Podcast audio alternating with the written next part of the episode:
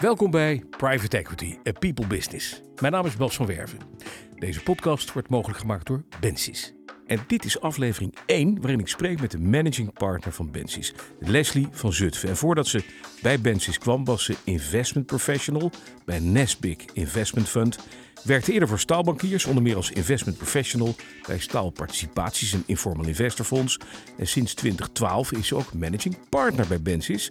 Zo, dan hebben we de plichtplegingen gedaan. Welkom, Leslie. Dankjewel, Bas. Fijn dat je er bent. Allereerst, waarom maken wij deze podcastserie? Nou, ik zou zeggen, onbekend maakt onbemind. Mhm. Deze serie is met name bedoeld om ondernemers en andere geïnteresseerden, bijvoorbeeld potentiële nieuwe collega's, kennis te laten maken met wat private equity nou eigenlijk precies doet. Mhm. Wat het kan betekenen voor een ondernemer. En ook toch eigenlijk wel een beetje om de mythe rondom private equity, sprinkhanen, pakken van de Zuidas om dat een beetje weg te nemen. Die kennen we inderdaad, inderdaad die mythes. Maar daar gaan we straks uitgebreid over, over praten. Wat gaan we doen in deze serie? Vertel. Wat, wat, wat wij gaan doen, wat jij gaat doen. Ja, Jij gaat spreken met acht ondernemers mhm. die met ons in C zijn gegaan. Oké, en die mag ik alles vragen? Je mag ze alles vragen. Oh, ze ook de nare dingen? Zeker. Mooi zo, dat is heel prettig. Hebben we dat in ieder geval even, even stilgezet. Wie, wie gaat dit luisteren? Voor wie is dit een must om naar te luisteren, deze podcastserie? Voor ondernemers mhm. die eigenlijk op zoek zijn naar een partner uh, om hun groeiambities te realiseren mhm. en omdat ze het gevoel hebben, mijn bedrijf moet een transitie doormaken. En daarbij heb ik een partij nodig die mij daarin begeleidt. Precies. Nou, die acht eh, ondernemers gaan vertellen hoe zij dat dan doen, waar ze tegenaan lopen, wat helpt.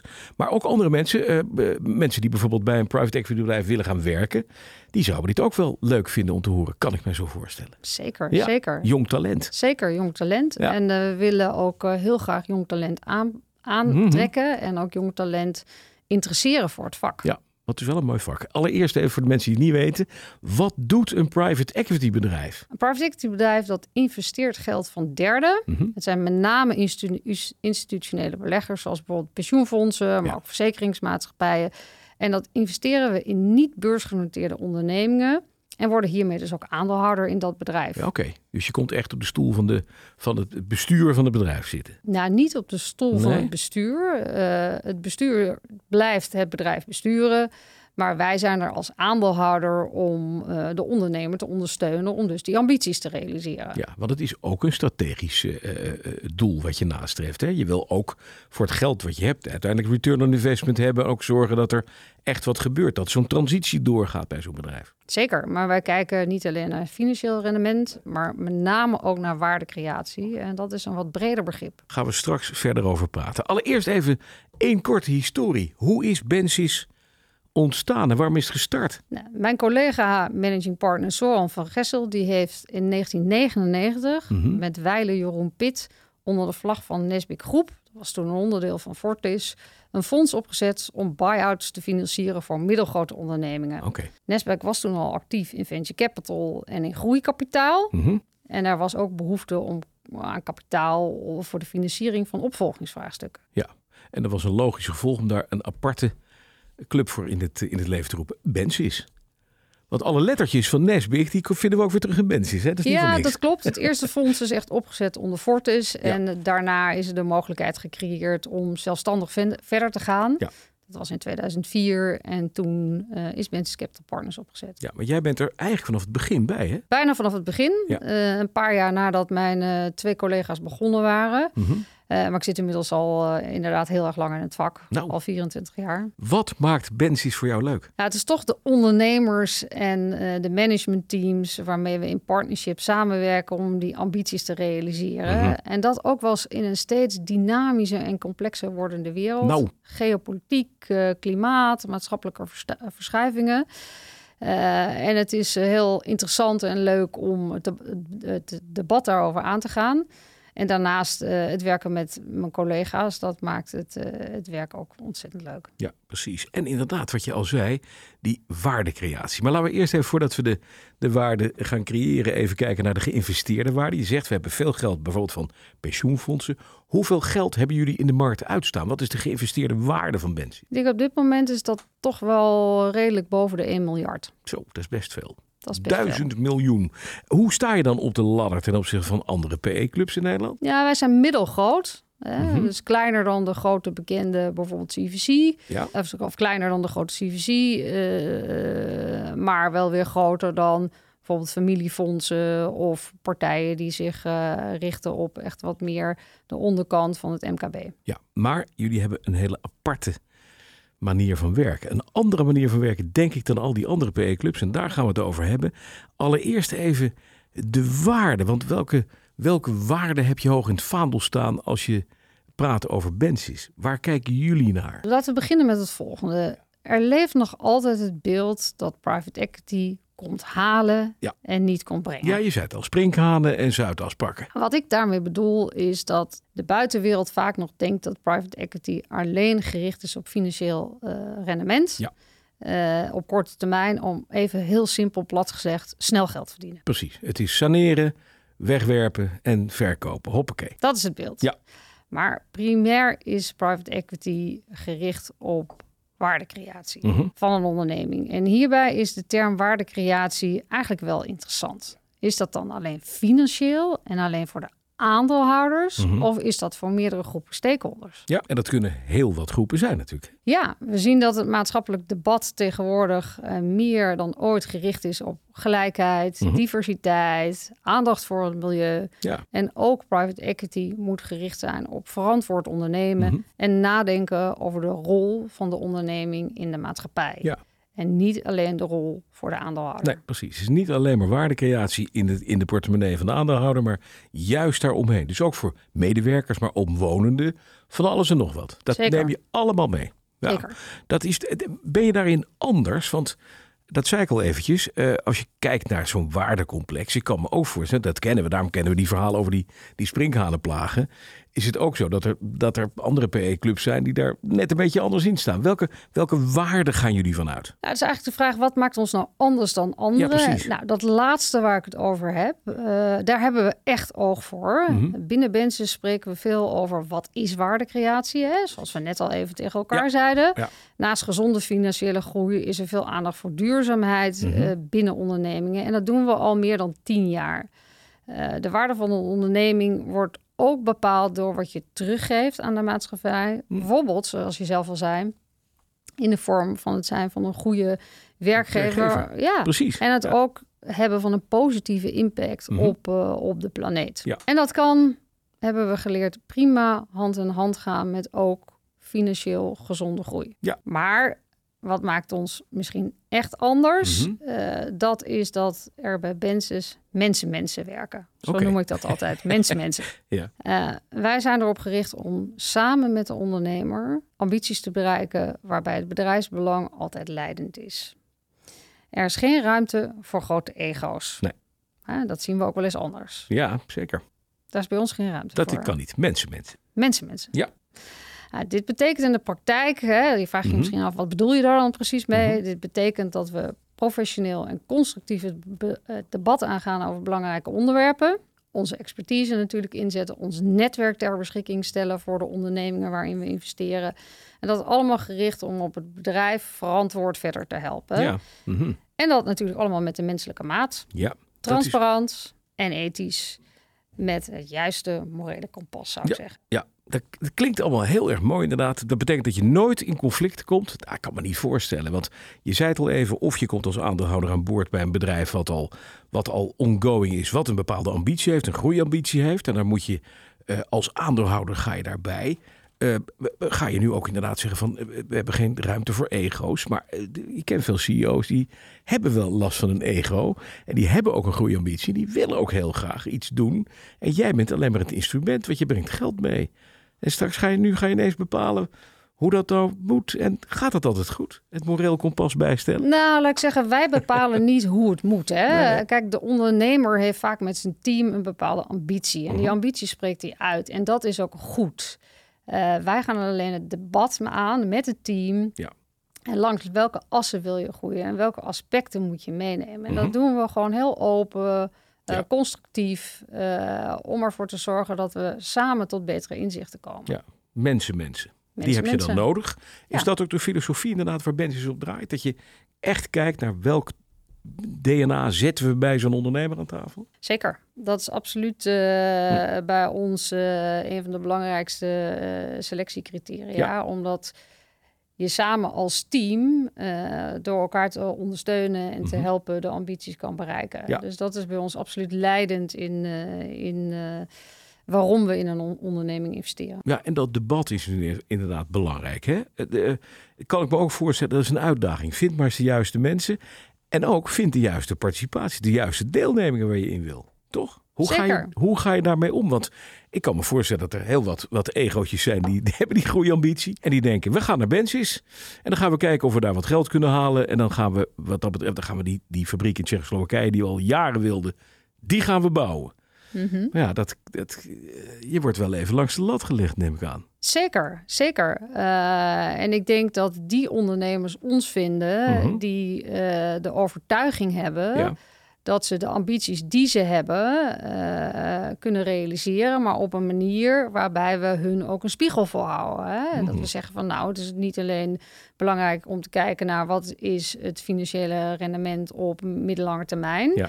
maar wat is de waardecreatie echt op lange termijn. En daar eh, nemen we ook andere aspecten in mee. Ja, precies. En welke aspecten neem je dan mee? Wat zijn de belangrijke dingen waar je naar kijkt? Nou, zoals, zoals, zoals ik net al aangaf, hè, we beoordelen altijd een het potentieel van de onderneming om door zo'n transitie te gaan. Hè? Want je moet vaak met elkaar wel door een transitie. Uh, en uiteraard kijken we naar alle hygiënefactoren uh, factoren op het gebied van heeft het bedrijf een goede marktpositie? Uh, is de marktdynamiek gunstig? is, is de boel intern goed georganiseerd? Ah, dat, doet elke P. dat doet elke P. Ja. Dat doet elke P. Ja. Maar waar wij in het bijzonder op letten is die bereidheid mhm. om de verandering op de thema's zoals bijvoorbeeld duurzaamheid, om dat echt aan te gaan. En dat is belangrijk, dat commitment. Want dat, dat, we praten ook over andere dingen. Hè? Je hebt de, de, de ESG-doelen van de Verenigde Naties, de duurzaamheid hebben we het over gehad. We zitten in een klimaattransitie, een energietransitie. Diversiteit wordt ook gekeken naar hoeveel, ja, wat is je verhouding in zo'n, in zo'n bedrijf? Is dat ook iets waar je op op, op meeweegt, waar je naar kijkt op het moment dat je zo'n deelneming doet? Nou, het aardige is dat natuurlijk kijken we daarnaar. Hè? Maar we investeren, zoals we aan het begin van dit gesprek al zeiden, we investeren in middelgrote ondernemingen. Ja.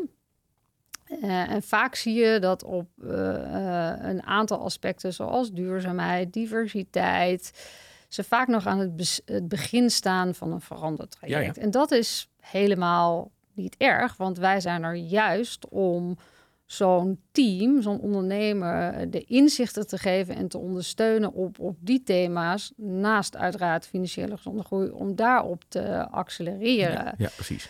En uh, we beoordelen de bereidheid die het team heeft en het commitment wat het team wil aangaan om uh, aan al die aspecten te werken. Ja. Dat is heel belangrijk. Inderdaad, die versnelling die je krijgt, ook op dat soort dingen. Je zou bijna kunnen zeggen, ik weet niet, ja, Misschien een beetje, dat is makkelijk misschien, maar dat is een beetje de feminine touch van Benzies. Komt dat ook doordat de, de managing partner zelf vrouw is? Of zie ik dat, ben ik dan weer een echt een mannetje? Nou, misschien voordat we op dat thema ingaan, moeten we misschien toch nog even terug naar die, die bereidheid om dat commitment aan te gaan. Hè? Want dat is heel makkelijk gezegd. Ja. Maar wij vragen ook wel wat van de ondernemer. Okay, hè? Want, want we, we schrijven elkaar een brief. Hmm. Eh, en eh, in, in, in die brief leggen we dat commitment naar elkaar toe vast. Maar we leggen daar ook in vast hoe we als mens met elkaar omgaan. Ethisch, transparant, juist een morele kompas. Zodat de ondernemer niet alleen in woorden, maar ook in schrift echt ziet van... goh, zo gaan we met elkaar de komende jaren de samenwerking aan. Vind ik heel mooi. Dit is niet een juridisch document, maar gewoon een brief aan elkaar. Een brief aan goede vrienden. Van ik denk zo over jou en ik wil eigenlijk dat je dat doet. Ja, nou, niet per se als goede vrienden, maar... gewoon als professionele zakenpartners. Waarbij we zeggen, we hebben oog voor al die aspecten die we net hebben benoemd. Mhm. Maar ook oog voor dat we als mensen op een bepaalde manier met elkaar om moeten gaan en elkaar moeten respecteren.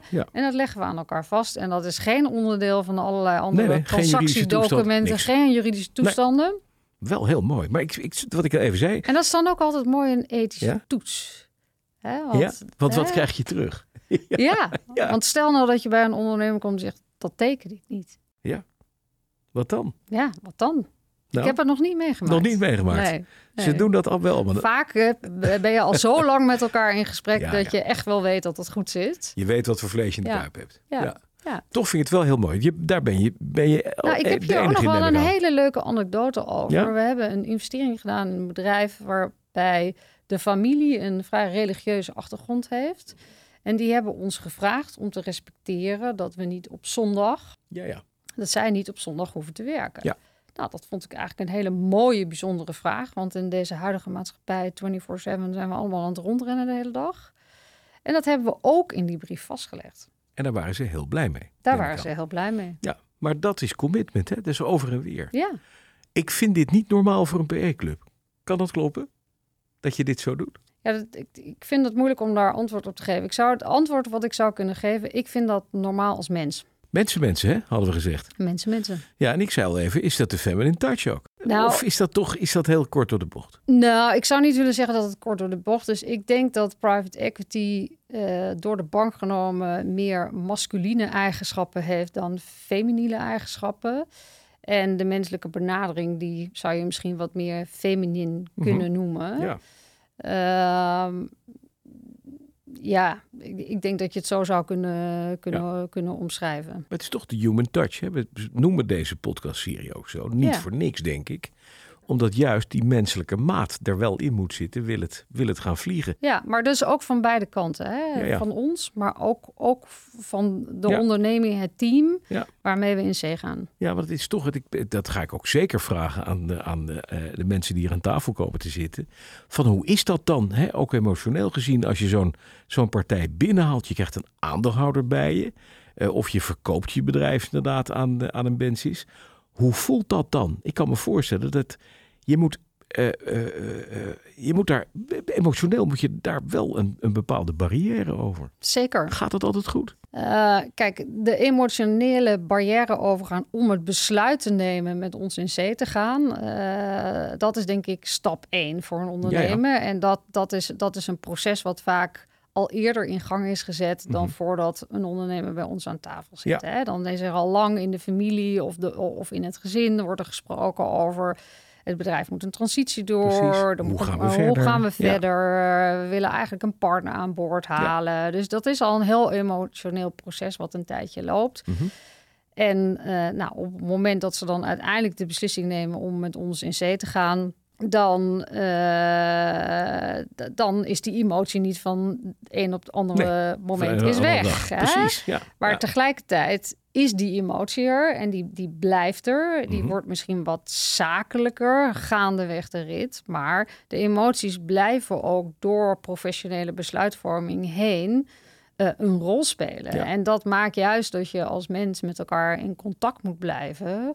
Om ervoor te zorgen dat je elkaar goed verstaat. En op een constructieve manier met elkaar eh, de discussie aangaan. over, over de feiten en de richting waar het bedrijf, eh, waar het bedrijf heen moet. En je hebt onderliggend altijd die commitment eh, letter nog, die brief die er Ja, ligt. gelukkig hebben we die, hebben die echt nog nooit uit de tas hoeven te Nee, halen. nee, Dat is ook absoluut niet de bedoeling. Maar Nee, nee, precies. Het, ga, het gaat erom dat je eh, met dat soort aspecten ook, eh, ook, ook rekening houdt. Want besluitvorming wordt alleen niet op basis van ratio genomen, ook heel veel op basis van eh, op emotie. En die balans moet je vinden. Ja. En dat kan alleen maar als je met elkaar in, in connectie staat. Absoluut. En je zei al helemaal aan het begin van het gesprek, we gaan gemiddeld zo tussen vijf en zeven jaar zitten we aan tafel bij een onderneming of hebben dat bedrijf of als aandeelhouder of als eigenaar. Eh, eh, dat, dat, gaat dat ook wel eens langer of korter? Zeker. Ja? Ja, zeker. Maar wat is de langste eh deelneming waar je in zit? Nou, de Kun je dat zo produceren? is Ja. eh, elf jaar. Jeetje. Ja, Kan, ja, ja. ja. En die is er nog steeds? En die is er nog steeds. zitten in de elfde. Ja, ja, daar hebben, en die onderneming hebben we heel veel transities meegemaakt. Oké, dat is wel gaaf. En die Ja. is nog steeds heel blij, want anders zat hij niet elf jaar bij je. Ja, volgens mij is het Ja. een van de acht ondernemers die Oh, oké, gaat die ga interviewen. spreken. Dus Heel vraag goed. het vooral aan, eh, in dit geval hem, Ja? eh, hoe hij dat ervaart. Ja, helemaal goed. Nog, nog even, even naar jou persoonlijk. Want kan ik nou concluderen dat jij het gezicht bent van Bensis naar buiten toe? De, misschien zelfs de ziel bent van het bedrijf? Nee, zeker niet. Eh, het gezicht van Benson zijn alle collega's eh, samen. Hmm. Eh, de ziel en het DNA is gelegd door de generatie die uh, jaren geleden aan de wieg stond van Bensis. Nou, die staat, die zit hier Ja, daar was ik er inderdaad ook een van, maar zeker niet alleen.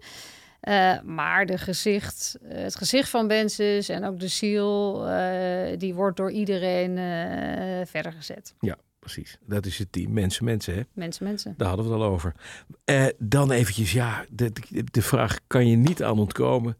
Wat is voor jou de belangrijkste uitdaging als mens in zo'n mensen-mensenbedrijf? Kijk, naarmate een bedrijf groter wordt, uh, wordt het ook altijd wat moeilijker om de ziel uh, van het bedrijf te bewaken. We zijn vier, vijf jaar geleden, mijn collega uh, partner Soren van Gessel, samen met een andere partner naar Duitsland vertrokken om onze Duitse branche op te zetten. Ja. Uh, nou zou je misschien afvragen, goh, waarom gaan twee Nederlanders dan naar Duitsland toe mhm. om daar een, uh, een branche van Bensus om te zetten? Dat is juist om deze reden, om het DNA en de ziel van Bensus voor te zetten.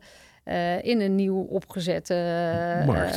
ja, een nieuw opgezette markt. Ja. en dat is voor ons van essentieel belang. Mhm. En dat blijven bewaken, ja, dat, dat, dat is een grote uitdaging. Maar tot, uh, tot dusver zijn we daar heel goed uh, in geslaagd. Dus ik heb alle vertrouwen in dat dat ook in de toekomst zo zou zijn. En dan in Duitsland, geografisch uh, niet alleen anders, maar ook cultureel totaal anders dan Nederland. Ook met de ondernemers. Zeker. Volgens mij werkt dat. pakken ze daar hetzelfde? Zij vinden dat heel verfrissend. Ja, ja. dat kan ik me best voorstellen. Ja is heel veel te leren. Ik laat me altijd vertellen door mijn collega's dat in Duitsland uh, spreken ze nog altijd uh, elkaar op, op ja, zie met u, vrouw, ja, ja, dokter. Ja, ja, dokter, ja. En wij zijn gewoon binnengekomen met uh, je en jij. Ja. En dat vinden ze toch wel heel verfrissend. Dat is gek. Ja, maar wel ze vinden het heel verfrissend. Ja, mooi. Nou, ik dank je zeer. En we gaan naar een verfrissende podcastserie luisteren. Je kan meteen gaan luisteren naar de tweede aflevering van Private Equity with Human Touch. Waarin ik onder meer spreek met uh, Alfred Attema, die is CEO van Continental Candy Industries. De grootste maker van Engelse drop in Europa. En dus een van de deelnemingen van Bensis. En hij vertelt dit. Toen kwamen wij bij een fabriek uit in Nederland die we graag wilden overnemen. En toen blijkbaar via een ander pad was Bensis bezig met de ontwikkeling van plannen voor een soort buy and build in de zoetwarenindustrie. Oké. En dat plan wat daar lag sloot, sloot, eigenlijk naadloos aan bij het idee wat wij ook hadden. Als je meer wil weten over Bensis en met wie ze zaken doen, ga naar bensis.com. B-E-N-C-I-S.com. Op naar de volgende aflevering. Veel plezier. Dag.